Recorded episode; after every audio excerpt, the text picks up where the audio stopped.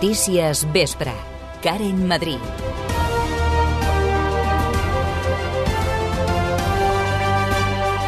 Cada cop més sabadellencs decideixen convertir un local comercial en habitatge com a alternativa per poder-se permetre un lloc on viure. Helena Molís, bona tarda. Bona tarda. Així ho assenyalen des del col·lectiu 2015 Projectes i Gestió, que calculen que entre 8.000 i 10.000 sabadellencs viuen en establiments comercials. José María Cordec, integrant del col·lectiu, alerta de la necessitat que els ajuntaments regularitzin aquesta situació. I ara es promou si en les municipals els equips eh, nous es donin compte d'una realitat. Locals tancats, ocupats i persones que necessiten aquests locals pel seu cost, per les seves facilitats d'accés, perquè són locals entre 40 i 90 metres quadrats amb preu assequible. Cordec lamenta que les administracions estan bloquejant el canvi d'ús o les llicències d'obres necessàries per regularitzar aquestes situacions. El primer títol que els amics de l'Òpera de Sabadell van representar a la faràndula fa 40 anys torna aquest vespre. Es tracta de Madama Butterfly de Giacomo Puccini amb entrades pràcticament exaurides per les 14 funcions que la Fundació Òpera Catalunya representarà arreu del país. A Sabadell es podrà veure avui, divendres i diumenge. I en esports, Alberto Fernández té tots els números de ser el substitut de Pau Víctor en el pròxim partit del Sabadell. Fernández ja va jugar 45 minuts a Morevieta i 35 contra el Numància, confirmant que està recuperant de la seva lesió al genoll. Aquesta i altres notícies les repassarem en la pròxima mitja hora amb el Toni González a les vies de so. Notícies Vespre. Tota la informació a Ràdio Sabadell. Els serveis. A aquesta hora trobem moltes retencions a la xarxa viària més propera a Sabadell, començant per la P7, on hi ha dos quilòmetres de cua a Barberà en sentit sud i tres quilòmetres més a Sant Cugat, en aquest cas en sentit nord. A la C33 hi ha un quilòmetre i mig de cues a Montcada en sentit sud i també a la mateixa població, però a la C58, 4 quilòmetres d'aturades, també per anar cap a Barcelona. Ja mirant cap a la ciutat comtal, trànsit molt dens a la ronda litoral entre Montjuïc i la Barceloneta en sentit Besòs i a la ronda de dalt entre Diagonal i el túnel de la Rovira en sentit Meridiana. El temps.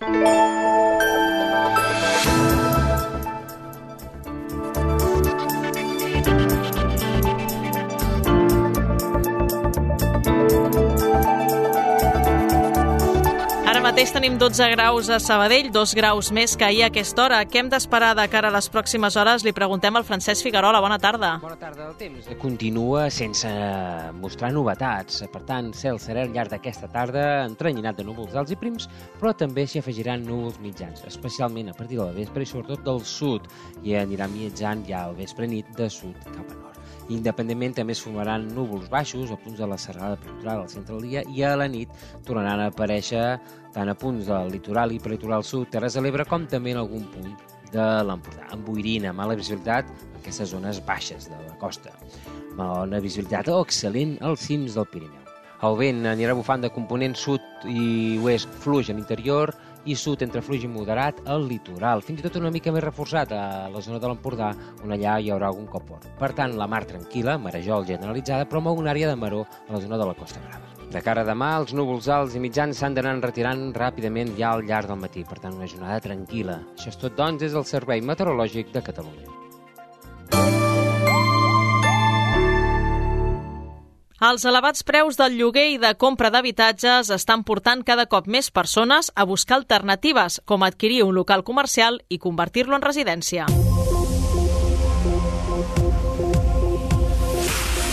Així ho han assegurat aquesta emissora el col·lectiu de professionals de la construcció i de l'àmbit legal 2015 Projectes i Gestió, que calcula que Sabadell entre 8.000 i 10.000 persones viuen en establiments comercials, és a dir, el doble de les persones que ocupen pisos a la ciutat. Aquesta opció és notablement més barata que la compra d'un immoble convencional, però la majoria d'ocasions no es regularitza perquè els ajuntaments s'hi oposen. José María Cordec, membre de 2015 Projectes i Gestió, assenyala l'impacte que té el bloqueig de l'administració per als residents d'aquests establiments.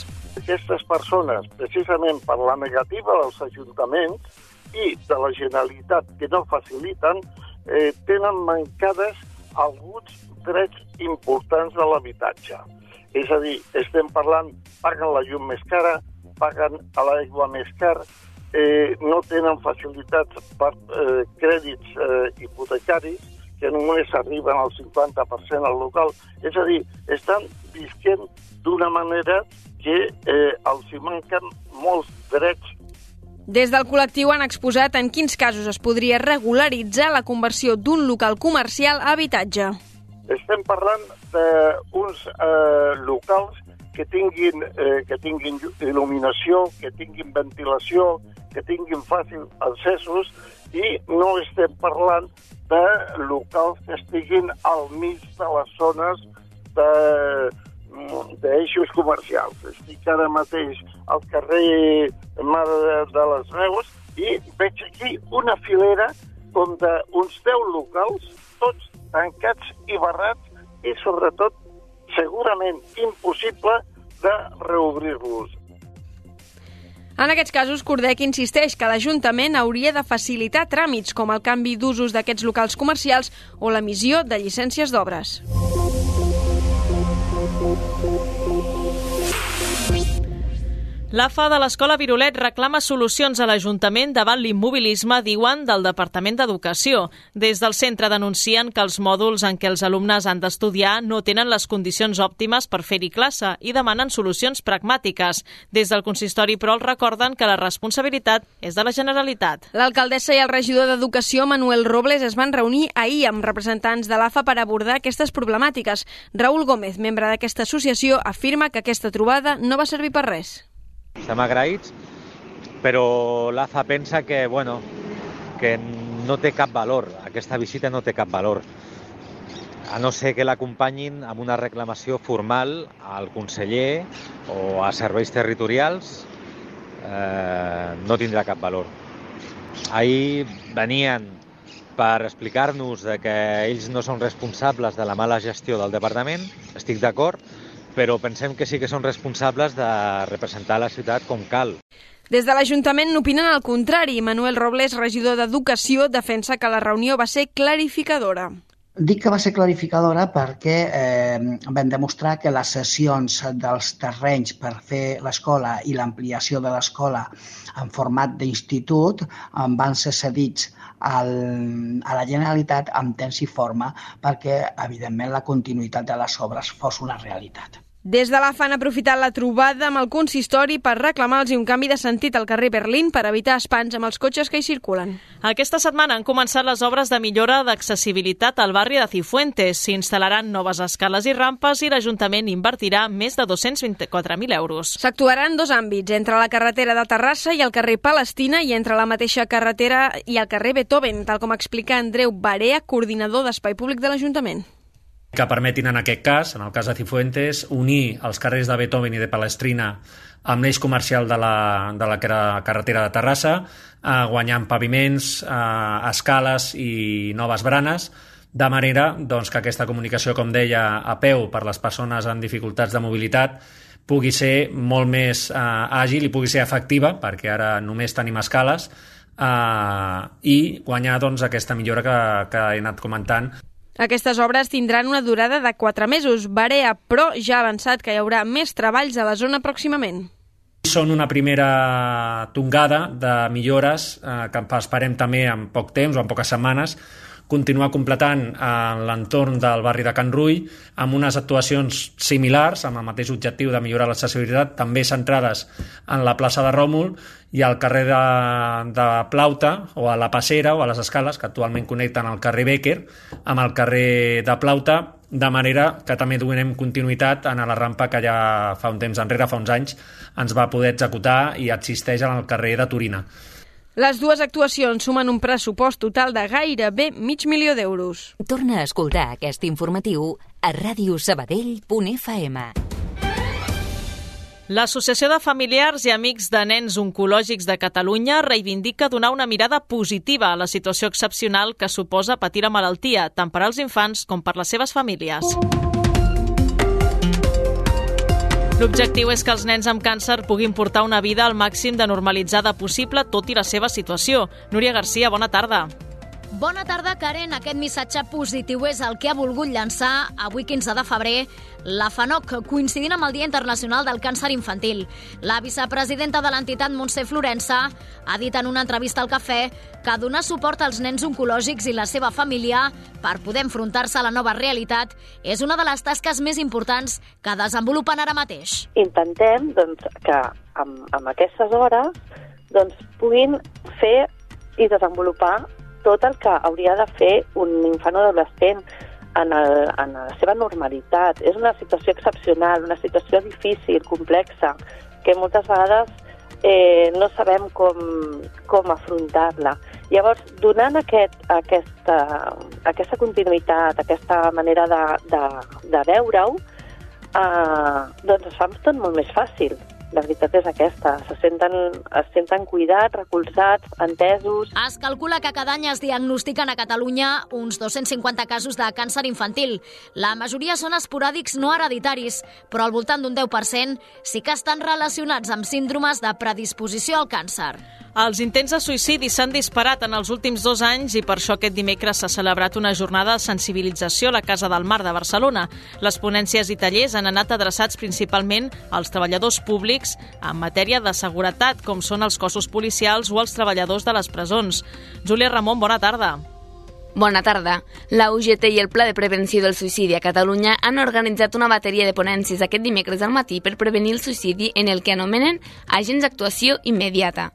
El director de Salut Mental al Taulí, Diego Palau, ha assenyalat en una entrevista al matí la importància d'actuar a temps. Les tentatives de suïcidi són el principal factor de risc del suïcidi consumat.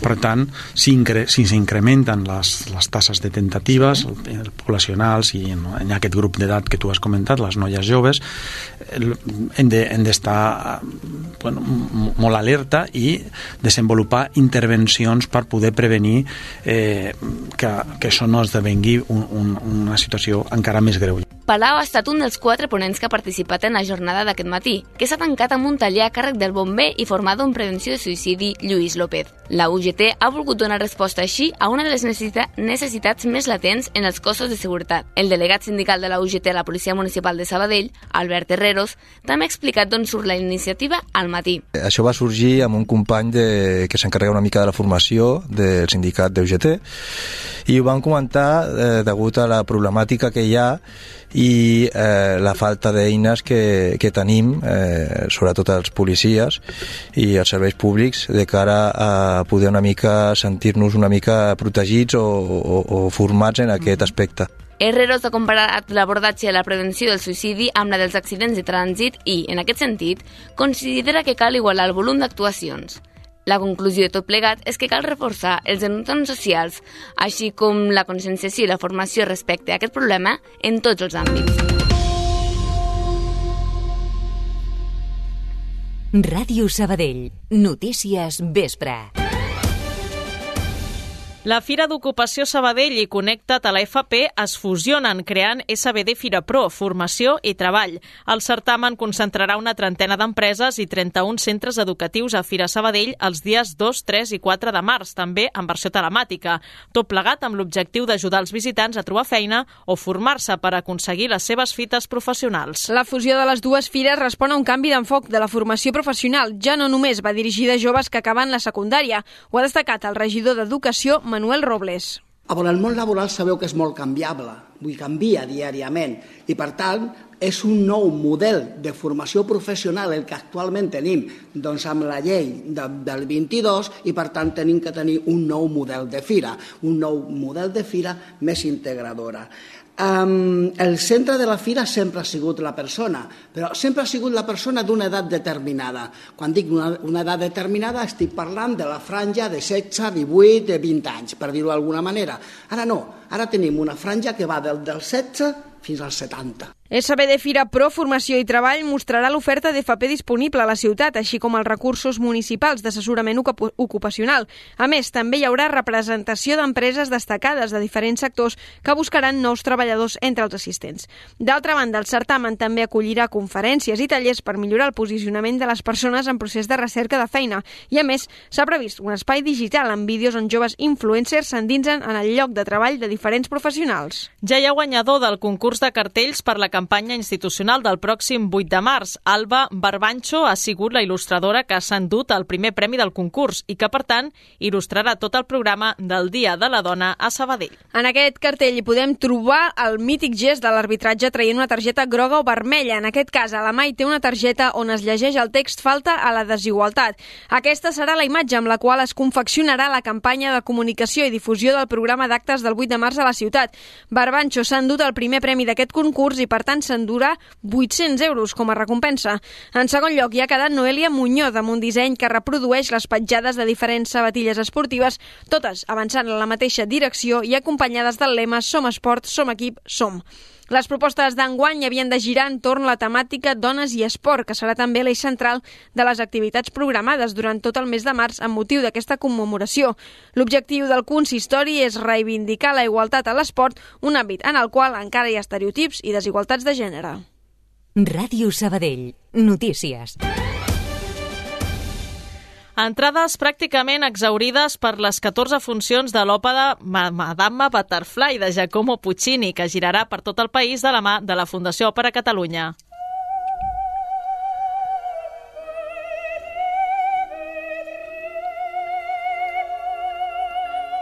El muntatge s'estrena d'aquí a pocs minuts a les 8 del vespre al Teatre de la Faràndula en el marc del 35è cicle d'Òpera Catalunya. El Pau Duran en té tots els detalls. El personatge principal, Chocho San, el farà en unes funcions Carmen Solís i a les de Sabadell i alguna més Tina Gorina.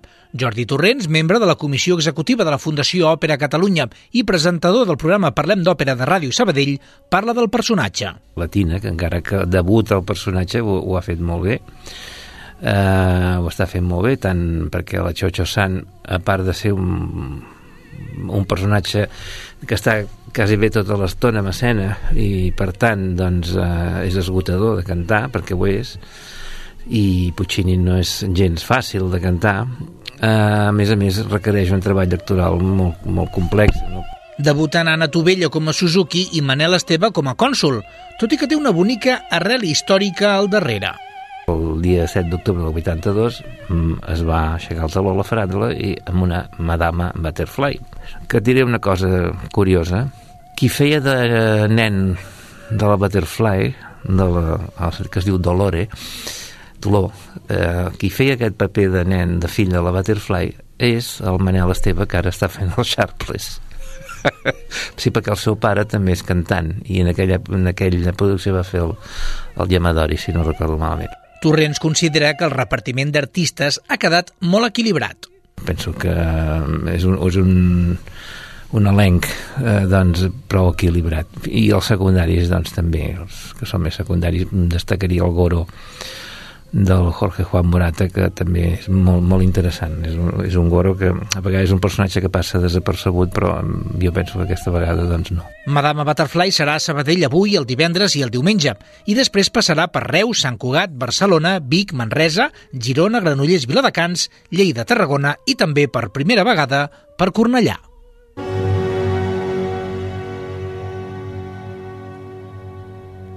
I des de les 7 de la tarda que està en marxa la presentació del llibre La possibilitat de dir-ne a casa al Saló del Teatre Principal. Va a càrrec de la seva autora, l'escriptora sabadellenca Marta Urriols, i de Montse Barderi, responsable de la dinamització de la capitalitat de la cultura catalana a Sabadell el 2024. La mateixa Urriols ha explicat al programa al matí de què va la novel·la. És la història d'algú, d'una corresponsal d'Orient Mitjà, que torna a casa, a casa on ha nascut, uh -huh. diguéssim, perquè la, la, la novel·la gira al voltant de què és casa, sí. uh, i torna per trobar-se una mica ella mateixa, no? buscant una uh -huh. mica de refugi, però bueno, uh, troba, retroba vells amics, retroba, retroba amb ella mateixa. Està inspirada en Txell Feixes, corresponsal a l'Orient Mitjà els últims anys. Al veure-la amb ella se'm va encendre una mica la bombeta de dir, ja sé, no sé de què anirà la història, però vull que ella uh -huh. sigui corresponsal i a partir d'aquí va començar tot i, i bueno, va ser molt més complex que tot això, eh? però, I tant, i tant. però va ser un procés molt bonic, la veritat que ha estat una novel·la que l'he escrit amb molta, molta il·lusió. Oriols diu que aquests espais de contacte amb els lectors són els que donen sentit a l'escriptura. A vegades quan escrius la feina d'escriure és tan, tan solitari que tampoc saps si uh, s'entendrà com vols que ho entenguin, com tu t'agradaria que entenguessin la història que vols explicar, el que vols explicar. I aquest contacte és bàsic, jo crec, perquè és una mica el que dona sentit al fet d'escriure un llibre, no? perquè si no el rep un lector, no l'obre i viu aquella història i empatitza, tampoc no té gaire sentit escriure, sempre fa falta aquest receptor, no? Així que aquest contacte amb el públic per mi és molt bonic, la veritat. La sabadellenca ja havia escrit anteriorment Anatomia de les distàncies curtes, Aprendre a parlar amb les plantes i Dolça introducció al caos.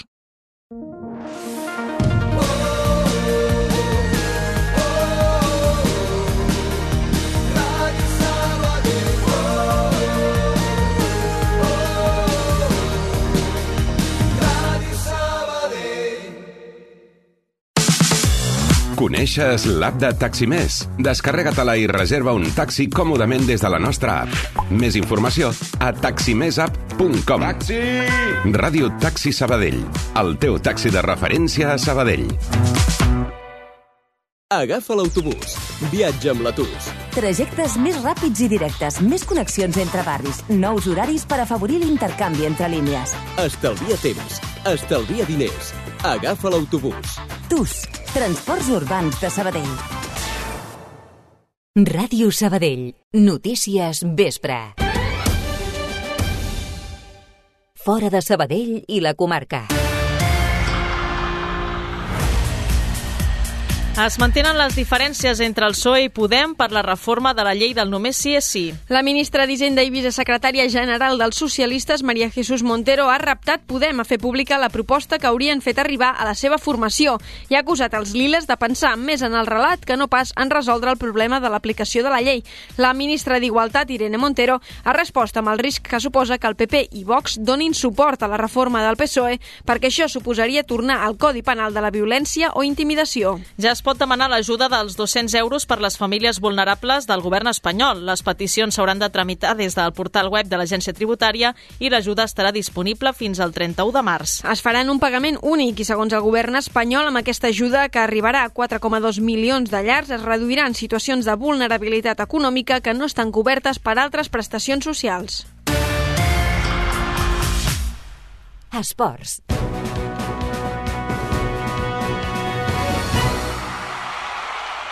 Alberto Fernández es postula com un dels principals candidats per cobrir la baixa del sancionat Pau Víctor a Elda. Pau Vituri, bona tarda. Bona tarda, Karen. En roda de premsa, l'atacant del Centre d'Esport Sabadell ha assegurat estar a prop de la seva millor versió. Sí, recordem que el de Moratalla va jugar 45 minuts a Morevieta i 35 en l'últim duel a casa contra el Numancia, deixant enrere una lesió de genoll que l'havia tingut dos mesos aturat.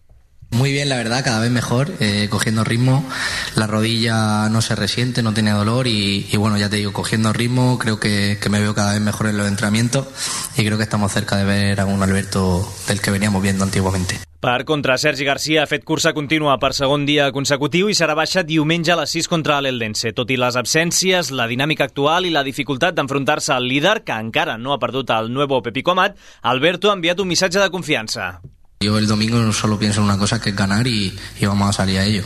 Desde mi pensamiento siempre pienso que salgo a los partidos a ganar. Yo nunca pienso en voy a la casa del líder, voy a la casa de, un equipo que está invicto en casa. Eh, yo ya te digo, quiero ganar, quiero eh, ganar los tres puntos, quiero salir de, la zona donde estábamos porque yo vine aquí a, a eso, a, sumar y bueno, ya te digo, pienso siempre en la victoria. Per la seva part, l'Eldense també tindrà dues baixes confirmades per sanció, la del lateral Àlex Martínez i el Pichichi Mario Soberón. Sí que hi seran un bon grapat d'ex-arlequinats, com ara Pedro Capó, Fernando Pajarero o Juan Tortuño. Un altre és Carlos Hernández, de tots ells, qui més protagonisme ha tingut fins al moment. El veterà central andalús, que va formar part del Sabadell entre el 2013 i el 2015, ha parlat a l'Hotel Suís de la seva primera experiència a la categoria de bronze després d'una dècada a segona divisió. Yo cuando llego aquí, la verdad que el, proyecto que, que, ofrecen es bueno, conozco jugadores, de hecho muchos había coincidido con ellos y la verdad que, que me gustó. Eh, y bueno, yo creo que la, lo, lo, más importante del grupo, aparte de que hay muy buenos jugadores, hay muy buen vestuario, que desde el primer día la gente se ha integrado, la gente trabaja mucho y yo creo que, que el objetivo está claro, aunque vamos primero ahora, yo creo que hay que ser consciente de que esto todavía queda mucho, es muy largo y que va a haber también momentos malos. Tot i ser dijous, demà compareixerà en roda de premsa el tècnic Miqui Lledó, ja que el Sabadell presentarà divendres els actes del 120è aniversari de l'entitat. El sènior masculí de vòlei del Club Natació Sabadell té dissabte la primera oportunitat per salvar-se matemàticament a Superliga 2. Els de Roberto Pozzato en tindrien prou amb una victòria a la pista del Balàfia Lleidatà, rival directe a la zona mitjana, combinada amb una derrota del Zaragoza contra el Sant Pere i Sant Pau, que és el segon classificat. Tot plegat després de protagonitzar la gran sorpresa de la jornada guanyant per 3 a 1 a les naus al líder, l'Illa Grau, que fins ara només havia perdut un partit al tie-break. Jordi Arís, central de l'equip, admet que va ser un resultat sorprenent, però fruit del treball realitzat entre setmana.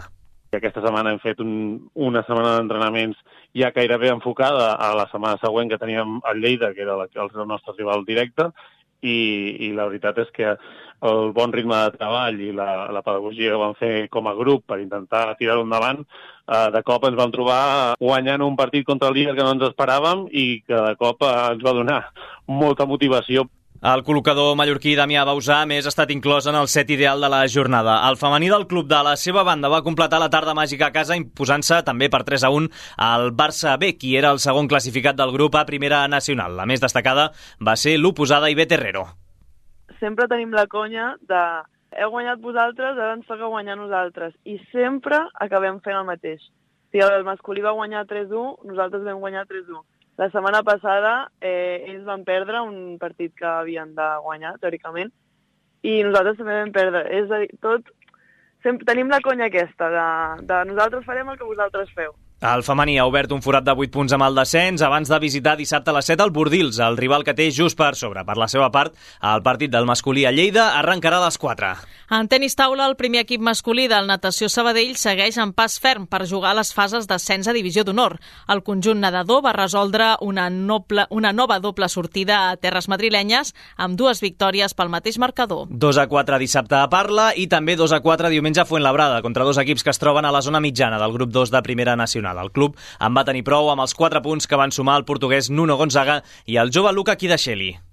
Els partits eren una mica més difícils, també allà a Madrid feia una mica fred i doncs cadascú ja teníem, uh, cadascú teníem un, un dia, per exemple, jo no vaig tenir un, el segon partit contra Fontlabrada tenia un molt bon dia, eh, ho vaig poder sacar i tal, però va ser molt difícil. El club segueix líder amb 13 victòries i només dues derrotes i amb un coixí de 10 punts. Respecte del quart, el pròxim compromís no serà fins al cap de setmana següent a casa del Cué, al Sant Cugat. I un altre equip del Natació Sabadell que passa per un gran moment és el sènior masculí de bàsquet. Els de Jonathan Ramírez, amb el triomf per 60-52 contra el Badruna Gràcia, encadenen ja 5 victòries consecutives a Copa Catalunya i s'han situat tercers. Recordem que només els dos primers i els dos millors tercers disputaran la fase d'ascens a EVA. El grup del club el comanda l'Alpicat amb 14 victòries, una més que l'Olesa i 3 més que el conjunt nedador, que està empatat amb l'Espanyol. Aquest cap de setmana s'atura la competició i, segons Guille Bello, autor de 10 punts en l'últim duel, la pausa arriba en un moment idoni. La durada d'aquest cap de setmana també és, ens anirà molt bé per, per recuperar baixes, perquè ara mateix la, la situació de l'equip sí que és bastant crítica, en el sentit que tenim doncs, moltes baixes i, i de, en fitxa de l'A i gràcies al, a la gent del B que, que està començant a entrar en rutina i ens està ajudant moltíssim, saps? Perquè també donen un, un punt d'intensitat i, i ens ajuden a, a entrenar i, i ser i, i, i a més que estan al nivell, saps? La Copa Catalunya reprèn el dia 25 amb la visita del Natació Sabadell a la pista del Mollerussa, l'antepenúltim classificat. I en rugby, derrota per 24-35 del Sabadell Rugby Club masculí a la Roureda contra el Manresa. Un partit, malgrat el resultat, que va deixar la nota positiva del retorn als terrenys de joc del també president de l'entitat, Oriol Ferran. Després d'una inactivitat de 4 mesos per lesió, en aquest sentit, diu Ferran, en ajustos d'efectius els està perjudicant massa com que està sent una temporada complicada pel nombre de fitxes, doncs ens està costant en tots aquests moments uh, sortir al camp, sortir endollats, uh, sabem que som 15 i que ens toca aguantar tot el partit i això fa que sortis d'una altra manera i fins que no saps els primers cops no et dones compte que estàs jugant a rugby i clar, uh, és el que ens perjudica més. Uh, veurem ara si, si ens va millor, si, si som capaços de sortir uh, endollats des del minut zero. El Sabadell Rugby Club és cinquè amb dues victòries i dues derrotes a la primera catalana nord, just abans de visitar diumenge a les 12 al Mataró Badalona. Gràcies, Pau. Bona tarda. Bona tarda.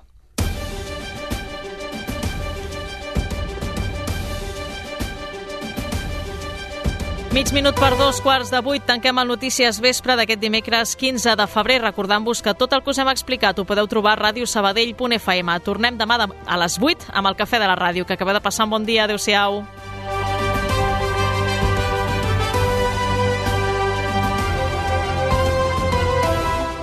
Allà on siguis, escolta'ns online.